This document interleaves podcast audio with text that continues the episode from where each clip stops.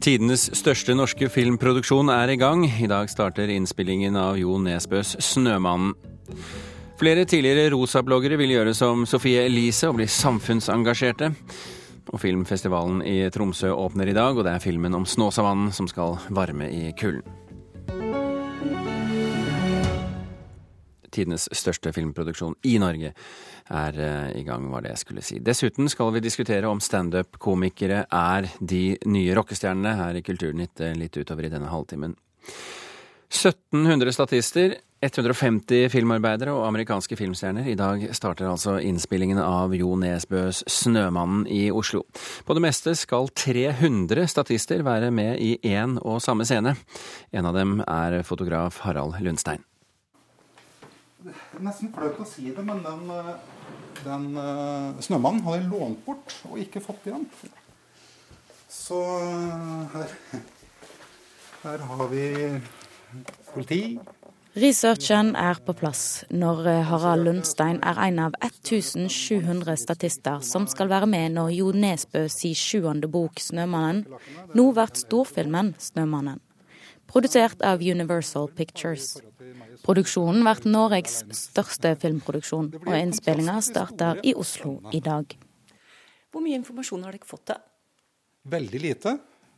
Det er mange hemmeligheter rundt innspillinga, og vi veit lite enda. Det vi har funnet ut, er at regissør er svenske Thomas Alfredsson, og de tre største rollene Rebekka Ferguson og Charlotte Gainsberg skal være med.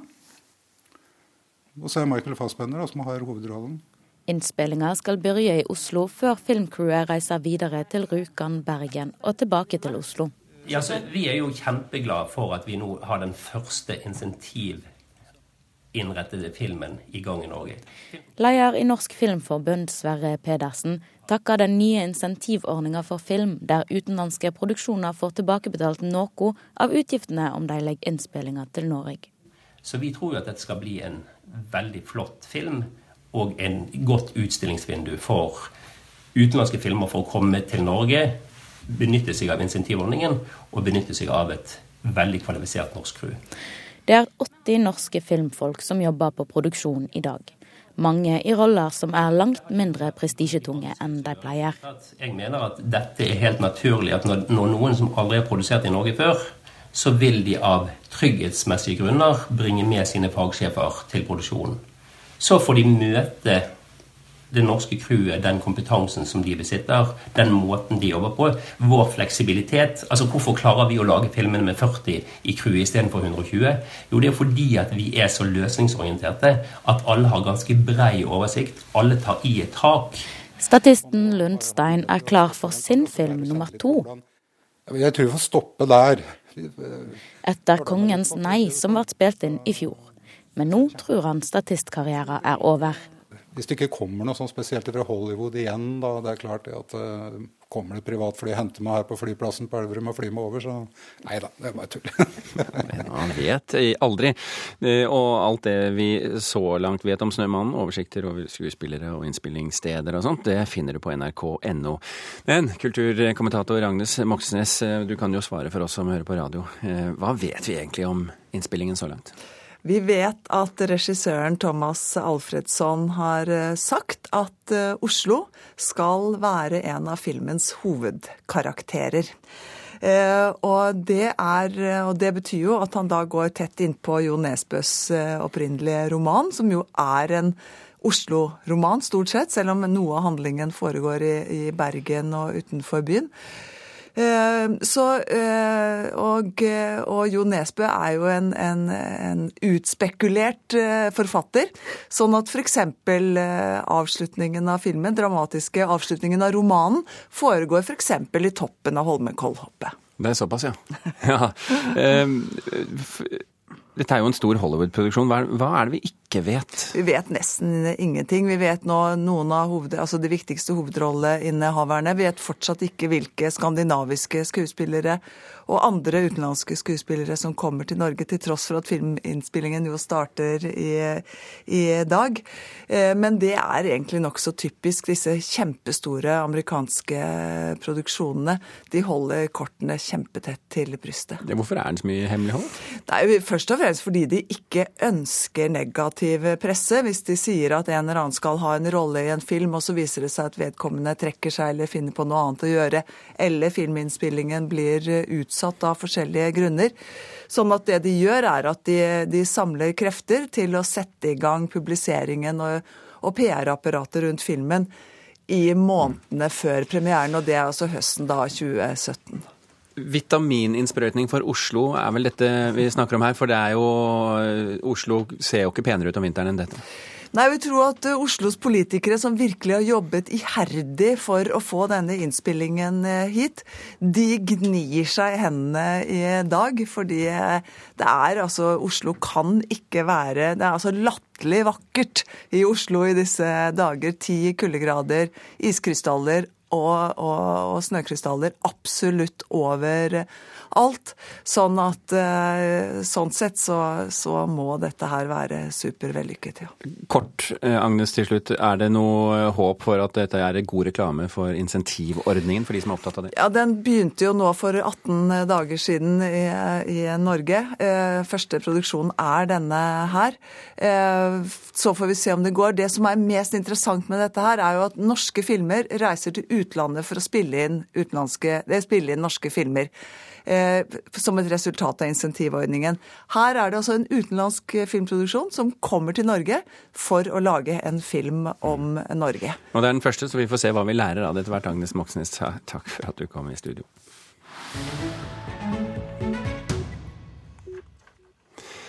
Fredag vant blogger Sofie Elise Isaksen de to gjeveste prisene under Vixen Blog Awards, Folkets favoritt og Årets blogger. Juryen la vekt på at den 21 år gamle Harstad-jenta hadde brukt fjoråret på å engasjere seg i samfunnsspørsmål, som f.eks.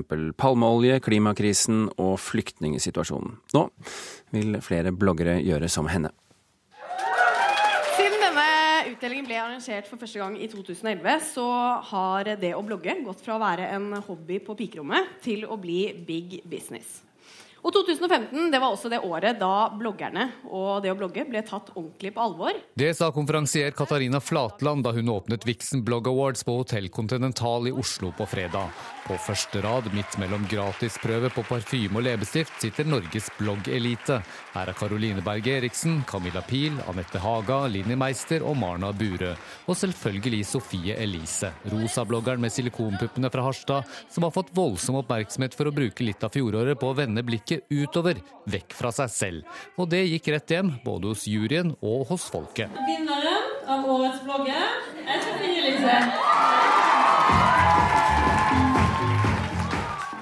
Hun har vært gjennom en reise fra soverommet til å bli en uh, samfunnsytrer. Det sier jurymedlem og journalist i Dagens Næringsliv Jorunn Sofie Aartun. Sofie Elises blogginnlegg om palmeolje, klimakrisen og Syria-flyktningene var altså mye av årsaken til at hun vant kveldens to gjeveste priser, Årets blogger og Folkets favoritt. Selv brukte Sofie Elise anledningen til å gå til angrep på tabuet mot nakne kvinnebryst ved å vise fram den ene brystvorten fra scenen.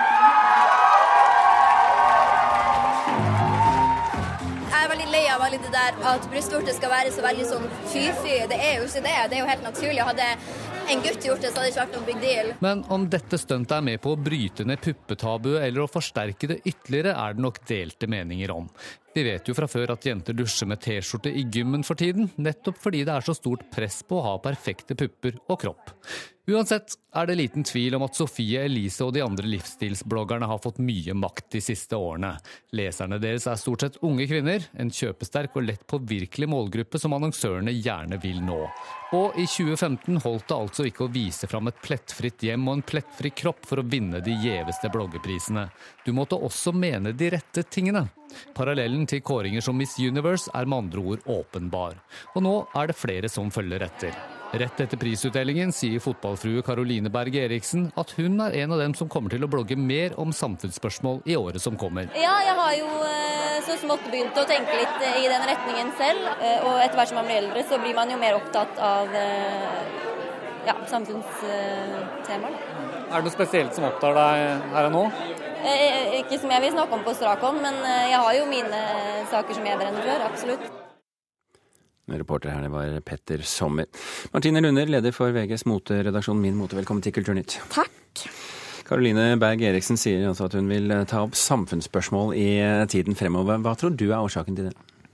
Eh, årsaken tror jeg åpenbart er at eh, Eh, hun har eh, stagnert på eh, Altså lesertallene har gått ned, og hun har stagnert på en del andre områder. Og hun kanskje også skjønner at hun må fornye seg hvis hun skal holde på leserne, og ikke minst for flere av dem. Det er veldig i tiden å være noe mer enn en rosa blogg og med perfekte bilder og et tilsynelatende perfekt liv, og det kan jo hende at det også har gått opp for henne, da.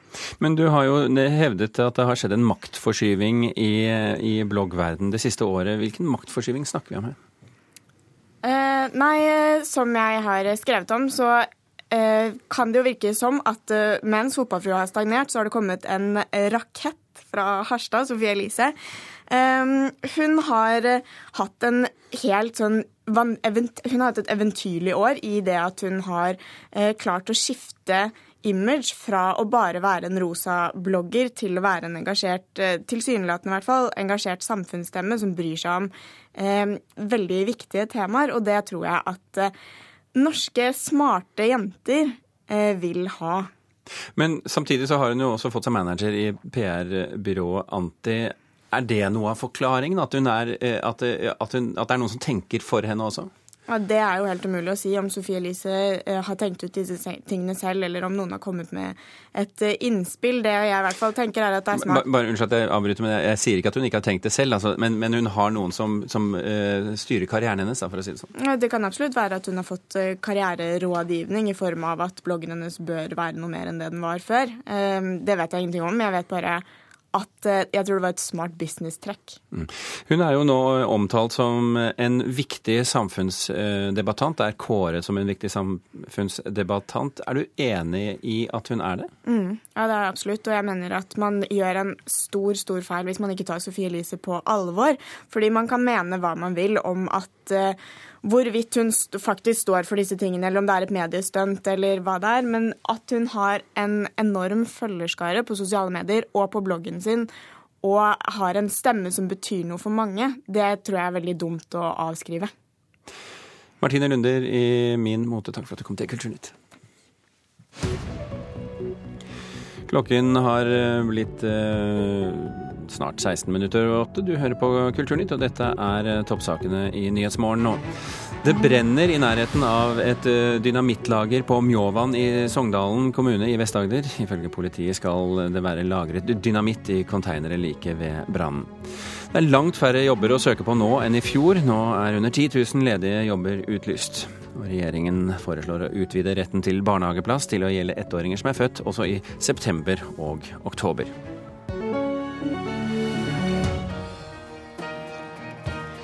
Nå skal vi til teaterscenen.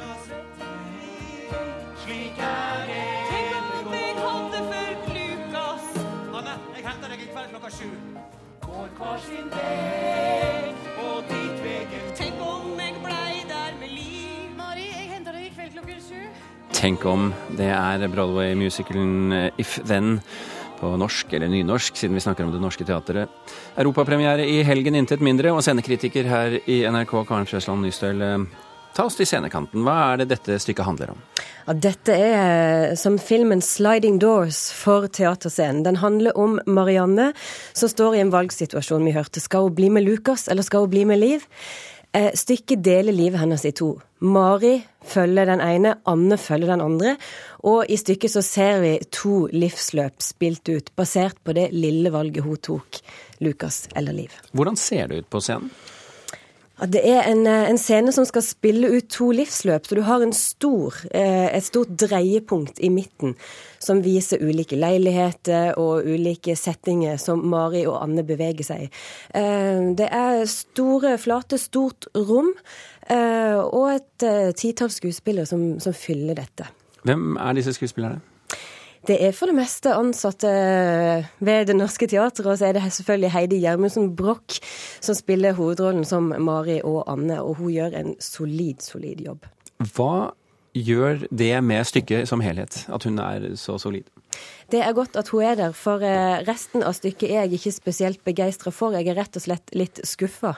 Eh, for det første så syns jeg musikalen er for lang. Dette her med det valget du tar og konsekvensene du får, det tværes ut. Husk å elske mens du tør det, husk å leve mens du gjør det, er vel egentlig det denne musikalen handler om. Så syns jeg dessverre at musikken som er skrevet, tross veldig gode musikere på scenen, så er det lite fengende. Det er få låter som jeg sitter igjen og husker. Det, det er lite særpreg ved musikalen. Og nesten verst av alt, syns jeg, etter første del så går jeg ut og tar pause og tenker her står jo ingenting på spill. Og sånn skal ikke det være når det er musikal. Betyr det at du nærmest hadde lyst til å gå hjem på det tidspunktet? Nei, jeg går jo ikke hjem. Det Nei, men det, ja, Du hadde lyst til å gå hjem? Jeg, jeg tenkte at det, her, det, må jo skje et eller annet. Og det tar seg litt opp i andre akt. Der står plutselig alt på spill. Og musikken er mye spenstigere og spennende. Men da er det liksom litt for seint. Mm. Mm. Hvorfor hadde du så store forventninger? Det handler om at det her er en Broadway-suksess fra 2014. Det er en ny musikal. Vi trenger nytt tilfang på musikalfronten. Uh, og forrige musikal til denne duoen som har skrevet denne, Brian Yorkie og Tom Kitt, den gjorde en kjempesuksess ved Det Norske Teatret. da var jo Heidi Gjermundsen bråk i hovedrollen, og det var en, kjempefin musikal. Men dette her er for vagt. Dette her er noe helt annet, opplever jeg. Karen Frøsland Nystøl, scenekritiker her i NRK, takk for at du kom til Kulturnytt. Nå har tre av Norges heteste musikknavn slått seg sammen for å erobre USA.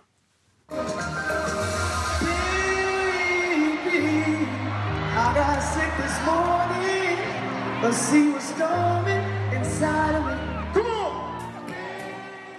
Klippet vi hørte her, det er Kygo sammen med Nico og Vince i San Francisco i helgen. De tre artistene spilte to utsolgte konserter i California.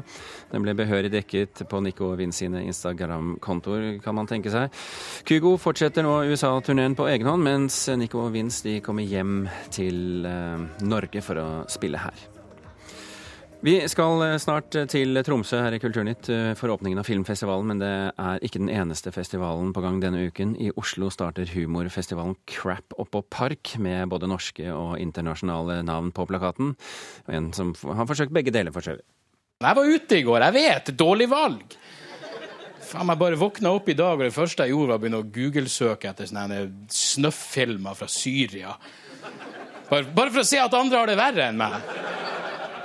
Dag Sørås var dette her. Eh, men det er komikere Martin Beyer-Olsen og Lars Berrum vi sier velkommen til her i studio. Velkommen. God morgen, god morgen. God morgen, ja. Dere føler dere litt bedre enn Dag Sørås, håper jeg? Absolutt. I aller høyeste grad. ja. um, fortell en eh, ting. Crap oppå park, hva er det rett og slett? Du, det er en humorfestival som fokuserer litt mer på den alternative humoren. Litt, går litt lenger absurde retninger og politiske retninger enn kanskje andre humorfestivaler i Oslo. Er det mange å sammenligne seg med? Nei, det er jo ikke det. Så, så vi, har, vi, har, egentlig alt mulig, men vi, vi hyller det smale og det rare. Mm. Eh, eh, Lars Berrum, hvilken booking henger høyst for dere i år? Eh, for, min del så er det en eh, australianer, som jeg liker å kalle det når jeg er fra Australia, eh, som heter Sam Simmons. Som er en av verdens beste nå absurdister innen humor. Og var på verdens største humorfestival i Edinburgh. Vant han alle priser og er helt fantastisk. Og det er på en måte Den tør jeg å selge inn høyt, for jeg fikk så mye glede ut av å se det showet. Hvorfor startet dere egentlig i Crap Up a Park? Eh, Det var vel fordi vi eh, Personlig for å kunne vise fram eh, våre favorittkomikere fra utlandet, som ofte ikke får Eller sånn Jeg har ikke hatt mulighet til å se de her før, så, det var egentlig bare påskudd for det. Så vi hadde, fikk mulighet til å booke én, og da tenkte vi å ja, men da kan vi lage en hel festival rundt denne personen. Og dra inn norske komikere og få opp nye norske komikere. Og gi et større spekter til humorbransjen. Men hvilke norske komikere er det du skal ha med? I år? I år. Ja, det er jo selvfølgelig eh, veldig mange av de eh, liksom kanskje litt sånn nyere, ferskere som eh, er jo verdt å nevne, så er Henrik Fladseth, en nydelig fyr fra Oslo. Eh, Amir eh, Amadeus, som er eh, også ganske absurd eh, Kristiansands eh, komiker, bor i Oslo. Eh, så har vi jo det, så- er nye folk. Møter Morten Ramm, Else Kåss Furuseth, Sigrid Bonde Tusvik. Sånne folk som har da et konsept som heter Blymandag, som jeg er med på sjøl, som er en humorgruppe som også begynte i undergrunnen lenge før alt ble TV og kommersielt. Lars Berrum, hva kjennetegner god standup eh, slik du ser det? Eh, Det er jo det er veldig individuelt, eh, tenker jeg. Men eh, for min del så er god standup noe som er unikt for den personen. At jeg må gå og høre på den personen gjøre det, på en måte. Så det er humor som treffer meg, som er overraskende. Sånn at man ikke ser poenget i forkant. Det er i hvert fall det som er størst glede for min del. Og ting man ikke gjør sjæl. Sånn som Dag Sørås, eksempel, har jeg stor glede av å se. For det er så jeg blir så imponert over eh, ja, den, at han mestrer den politiske eh, formen. Da. Nei, må man være frekk? Må man stikke, stikke noen i siden? Nødvendigvis ikke. Ikke for min del. Det trenger, trenger man ikke for min del. Men jeg syns at eh, når det er litt brodd, og det er noe mening, så er det bedre. Altså når det blir altfor fint, og du skal ikke touche noen ting, og du er redd eh, Bare gå på publikums premisser hele veien. Det er, det er morsommere med Foo Fighters enn Justin Bieber. Altså, I England, og, og særlig kanskje i USA, eh, så er det jo de eh, store standup-komikerne som trekker de store publikummene nå. Ikke på tross av, eh, eller til tross for rockestjernene, men, men de omtales som de nye rockestjernene. Eh, Hvorfor er det sånn? Vanskelig å si. Det, jeg har ikke noe godt svar på det. Hvorfor det er sånn? Det er vel trender. Nå er det artig med humor en periode. Hva tror du, Bærum? Jeg tror altså det er kreftene bak. Jeg ser at humor og standup kanskje har fått enda mer hype nå med eh, at eh, folk legger ut på Netflix eh, standup, at det har blitt enda mer allment for alle, og så begynner kommersielle krefter bak å se på de som treffer veldig mange, kan også sette opp stadionshow, eh, og så begynner ballen å rulle der for folk bak som skal tjene penger og hele løypa, kanskje. Vi får vel besøk om, og eh, vi får besøk av eh, Kevin Hart om ikke lenge. Skal det, er det type sånn humor som dere har lyst til å gå og se? Uh, ja, jeg har lyst til å gå og se den. Uh, for han er, og det er fordi han er en av de aller, aller største vi har om dagen. Så det er interessant å se. Men at spekt, Spektrum er ikke verdens beste humorarena. Hvorfor ikke? For det blir altså sånn jeg, Og det er på Oslo, men standup gjør seg bedre på mindre lokaler. Sånn som dere har. Absolutt. Kevin Hart burde ha hatt uh, 40 show på Teaterkjelleren i Oslo uh, istedenfor ett show på Spektrum. det, er jo, det er jo mulig å, å invitere ham. Eh, Det er jo ingenting som hindrer dere i og for seg. Bare penger. penger og telefonnummer. Ja, penger og telefonnummer. For uh, da vet dere i hvert fall hvor dere skal grave. Ja. If you listen, Kevin Hart. Ok. Martin Beyer-Olsen og Lars Berrum, eh, takk for at dere kom til Kulturnytt. Takk.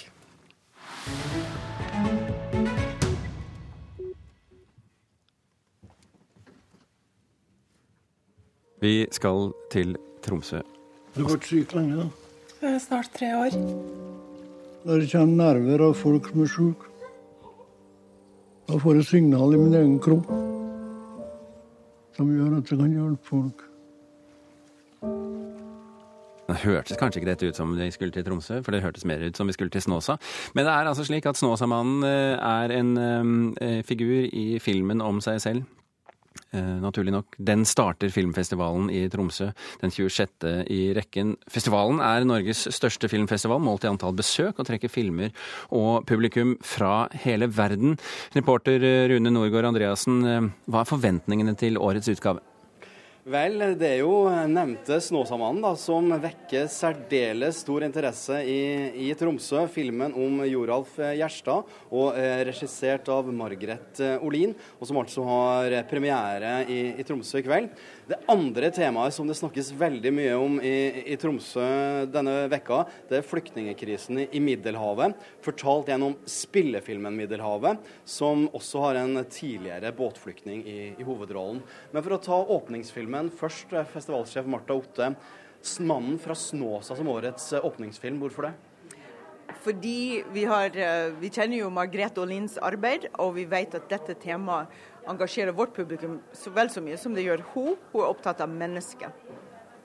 Det blir også fokus på flyktningekrisen gjennom spillefilmen 'Middelhavet' og gjennom et heldagsseminar førstkommende torsdag. Men hva slags film er egentlig 'Middelhavet'? Det er jo en, en, spillefilm som tar virkelig pulsen på den situasjonen vi kjenner til alle nå gjennom uh, media. Men dette handler om virkelig nedpå om en mann og hvordan han opplever det å komme seg over Middelhavet til Italia og prøve å finne, lage seg et liv der. Og dette er da en hovedrolleinnehaver som sjøl har bakgrunn som båtflyktning i Middelhavet? Ja, han kommer og han skal møte publikum og være med på seminar. og det er jo eh, det er noe med spillefilmen som forteller på en annen måte enn eh, dokumentarfilmen. Vi tror at det er sterkere. Det kommer til å oppleves veldig mye sterkere for mange. Filmfestivalen i Tromsø det er Norges største filmfestival i antallet besøkende. Eh, nærmere 60 000 i fjor. Eh, vi står her på, på Verdensteatret, og det er like før første visning. Og også den eh, er utsolgt. Hva, det, hva det forteller? Det forteller at folk vil se film som angår dem, som engasjerer dem, og så gir dem litt motstand også. Så jeg tror vi er klar for akkurat å møte den utfordringa. Du, Det er en islandsk film som, eh, som åpner det hele. 'Stabukker', hva du kan si om den sånn avslutningsvis? Ja, den er jo, eh, den er jo um, om mennesker, også to brødre som ikke snakker med hverandre på 40 år. Så det handler kanskje om dialog. Det tror jeg folk er opptatt av. Det sa festivalsjef Marta Otte, som altså leder den 26. Tromsø internasjonale filmfestival, som starter i dag, og som varer resten av vekka i Ishavsbyen Tromsø. Rune Norgård Andreassen på plass i Tromsø. Hører mer fra han utover dagen, tenker jeg. Um, Kulturhuset her på NRK P2 skal snakke om Snåsamannen, og ikke minst ha Margrethe Olin i eh, studio. Følg med utover dagen på denne kanalen, så får du med deg det. Så tar vi med til slutt at uh, albumet Black Star, som Davy Bowie ga ut kun to dager før han døde, 10.1, gikk uh, til topps på albumlistene i USA i går. Det skriver NTB. Det er første gang artisten har oppnådd en topplassering på listen listen i USA. Kulturnytt eh, er eh, slutt. Eh, Lisa Stokke og Birger Kålsrud Aasund takker for følget. Hør mer kulturnyheter fem minutter på hver time utover hele dagen.